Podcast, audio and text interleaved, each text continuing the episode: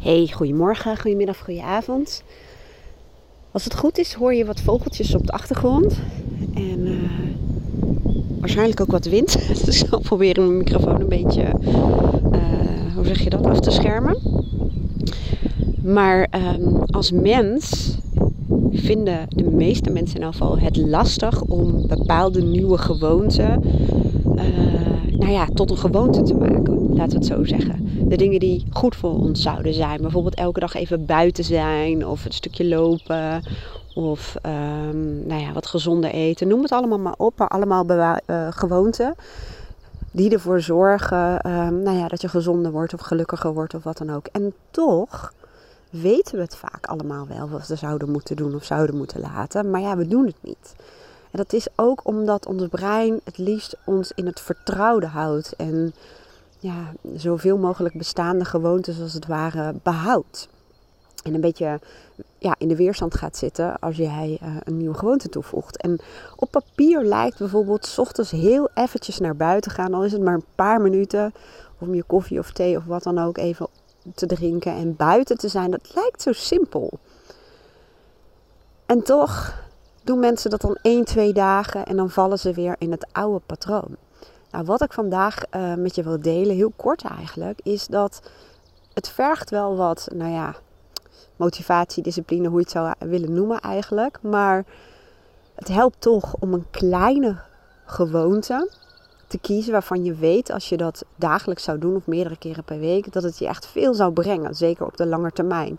Dat kan bijvoorbeeld zijn het doen van een aantal oefeningen of uh, uh, ja, soepel blijven. Dat kan ook zijn een uh, gezonde gewoonte qua ontbijt. Maar dat kan in dit geval, wat ik dan regelmatig doe, ook zijn om even naar buiten te gaan. Nou, en om dat buiten nog even toe te lichten.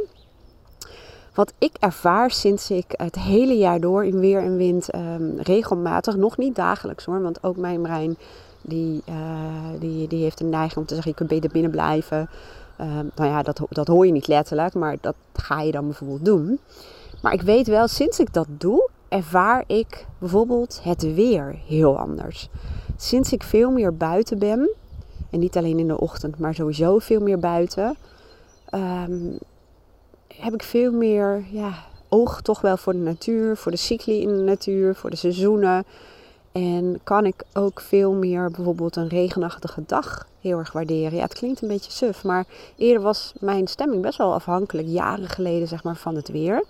En nu merk ik dat als we een hele zonnige dag hebben of zonnige momenten, oh man, dan vind ik heerlijk. En dan, uh, dan word ik extra vrolijk. Maar als het niet zo is, dan geniet ik ook van mijn dag. En dat ja, is natuurlijk wel heel erg fijn. Nou, een van de dingen dus die ik al vertelde, is door regelmatig naar buiten te gaan.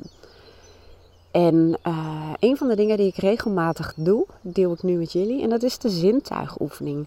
De zintuigoefening zorgt ervoor dat je nou ja, even weer in het hier en nu komt. Dat je even uit je hoofd komt van die automatische piloot af. En uit die gedachtenstroom en het aanstaan wat jullie massaal in mijn praktijk altijd benoemen. En een zintuigoefening kun je meerdere keren op een dag doen. Al is dat voor de meeste mensen vaak nog even too much. Maar um, ja, ik zou je toch willen vragen, probeer het eens en kijk eens hoe, het, hoe jij het ervaart. Ik doe het vaak als ik met mensen het bos in ga voor een, eh, een wandelcoaching.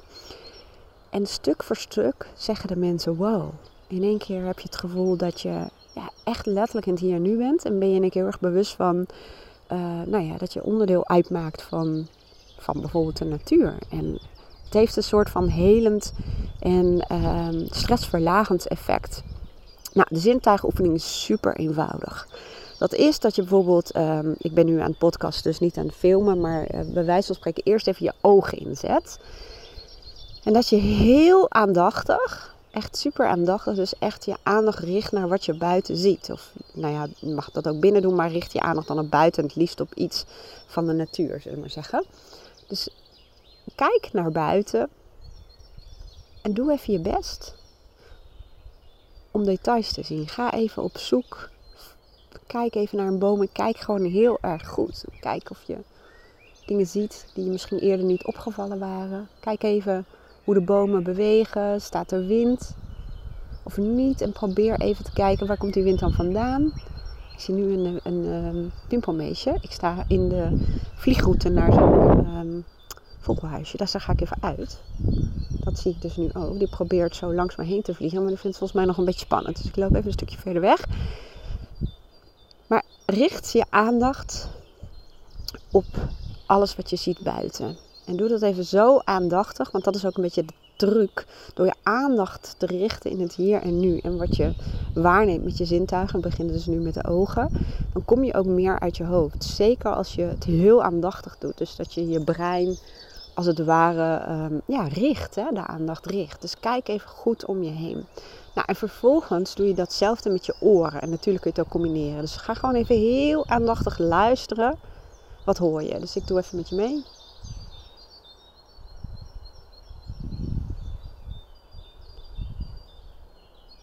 Als je dit namelijk doet, dus aandachtig luisteren, dan hoor je vaak ook meerdere lagen van geluiden. In één keer ben ik me bewust dat ik ook ergens in de verte een weg hoor. Ik hoor nog meer dingen en door het echt met volle aandacht te doen, kom je dus even in het hier nu, ik hoor ook ergens getik. Dat zijn van die dingetjes, die geluiden, die je niet zo opmerkt op het moment dat je maar in je hoofd zit. Nou, vervolgens kun je naar het volgende zintuig gaan. je hoeft niet altijd het hele rijtje af te gaan. Je kunt het ook alleen bij je ogen en je oren uh, houden. Het is belangrijker dat je het regelmatig doet, dan dat je het één keer in de maand uh, helemaal doet. Dus bijvoorbeeld je neus is ook het zintuig. Dat is iets wat we over het algemeen niet heel bewust doen, tenzij we misschien in een parfumerie staan. Maar probeer eens even te ruiken wat je ruikt. Probeer eens even heel aandachtig te ruiken. Nou, als je dat hebt gedaan, dan gaan we bijvoorbeeld naar je mond. Je mond is ook een zintuig. En je mond kun je bijvoorbeeld vaak uh, het beste je aandacht op richten als je bijvoorbeeld een slok drinken neemt of iets eet en dat heel aandachtig doet. En probeer ook echt te voelen hoe dat in je mond aanvoelt. En probeer bijvoorbeeld dat ook te volgen. Tot waar kun je een slok of een hap volgen. En wat proef je? Wat is de textuur? Dus probeer even je aandacht te richten op wat je eet of drinkt bijvoorbeeld. Ik hoor in één keer ook een vliegtuig. En vervolgens heb je ook nog je huid als zintuig. Nou, ik doe vaak even mijn handen um, uitsteken of zo. Dan, dan, word ik me heel erg bewust van mijn huid. je huid kun je inzetten om te voelen van... Is het warm? Koud? Voel je misschien een tocht? Probeer je huid ook echt eventjes te, te, te zien als een zintuig. Als een zintuig dat waarneemt. Dus richt daar ook je aandacht op. Je kunt ook even voelen hoe sta je erbij door dit echt met aandacht te doen, hè, de, de, de sleutel is wel, doe dit met aandacht en richt je volle, volledige aandacht op je zintuigen. Ook hoe vaker je dat doet, hè, dat is ook het brein weet op een gegeven moment wat het effect is van deze zintuigenoefeningen. En vaak zie je ook al dat je meteen, voordat je bijna wil doen, al rustiger wordt of uh, dat de stress wat meer uit je lichaam uh, gaat. En je bent weer even geconnect met het hier en nu. Dat is voor je brein gewoon super goed. Maar mensen die dit doen ervaren ook vaak veel meer uh, geluk en uh, ja, betekenisvol leven. Omdat je in het hier en nu bent. En het leven vindt ook plaats in het hier en nu. Alleen ons hoofd verleidt ons vaak om in het verleden en in de toekomst te zitten. Nou, ik hoop dat je hier wat aan had. Ik merk heel erg duidelijk dat het van mij een opfrismomentje is en een heerlijke manier om de dag te starten. Dus, nou ja, dat. En ik krijg gewoon, wat dat betreft, hè, dat is al jaren geleden gebeurd, gewoon steeds meer waardering voor de natuur, in welke staat die zich ook bevindt. En ik heb daar ooit een mooi boekje over gelezen, uh, Leven met de seizoenen van Weleda. Volgens mij zijn die vooral nog tweedehands te verkrijgen. Maar dat gaf me zoveel inzicht, want dat beschrijft heel erg de cycli van de natuur en de seizoenen en wat er dan gebeurt. En wat bij mij in elk geval toen gebeurde, is dat ik me heel erg bewust werd van: oh ja, maar ik ben natuurlijk ook een onderdeel van de natuur.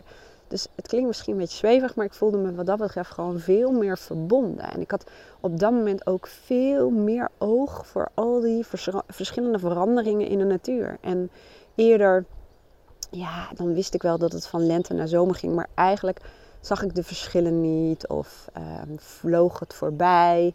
En door meer aandacht te hebben en door dat zo ja, het liefst dagelijks te doen, volg je ook veel meer de processen in de natuur. En, en krijg je ook een andere tijdsbeleving. Je bent veel meer geconnect in plaats van dat alles maar voorbij vliegt. Nou, ik hoop dat je er wat mee kan. En uh, als dat zo is, dan uh, nou ja, laat even een reactie achter. Ik wens je een hele fijne dag. Dankjewel voor het luisteren en tot de volgende keer. Doei!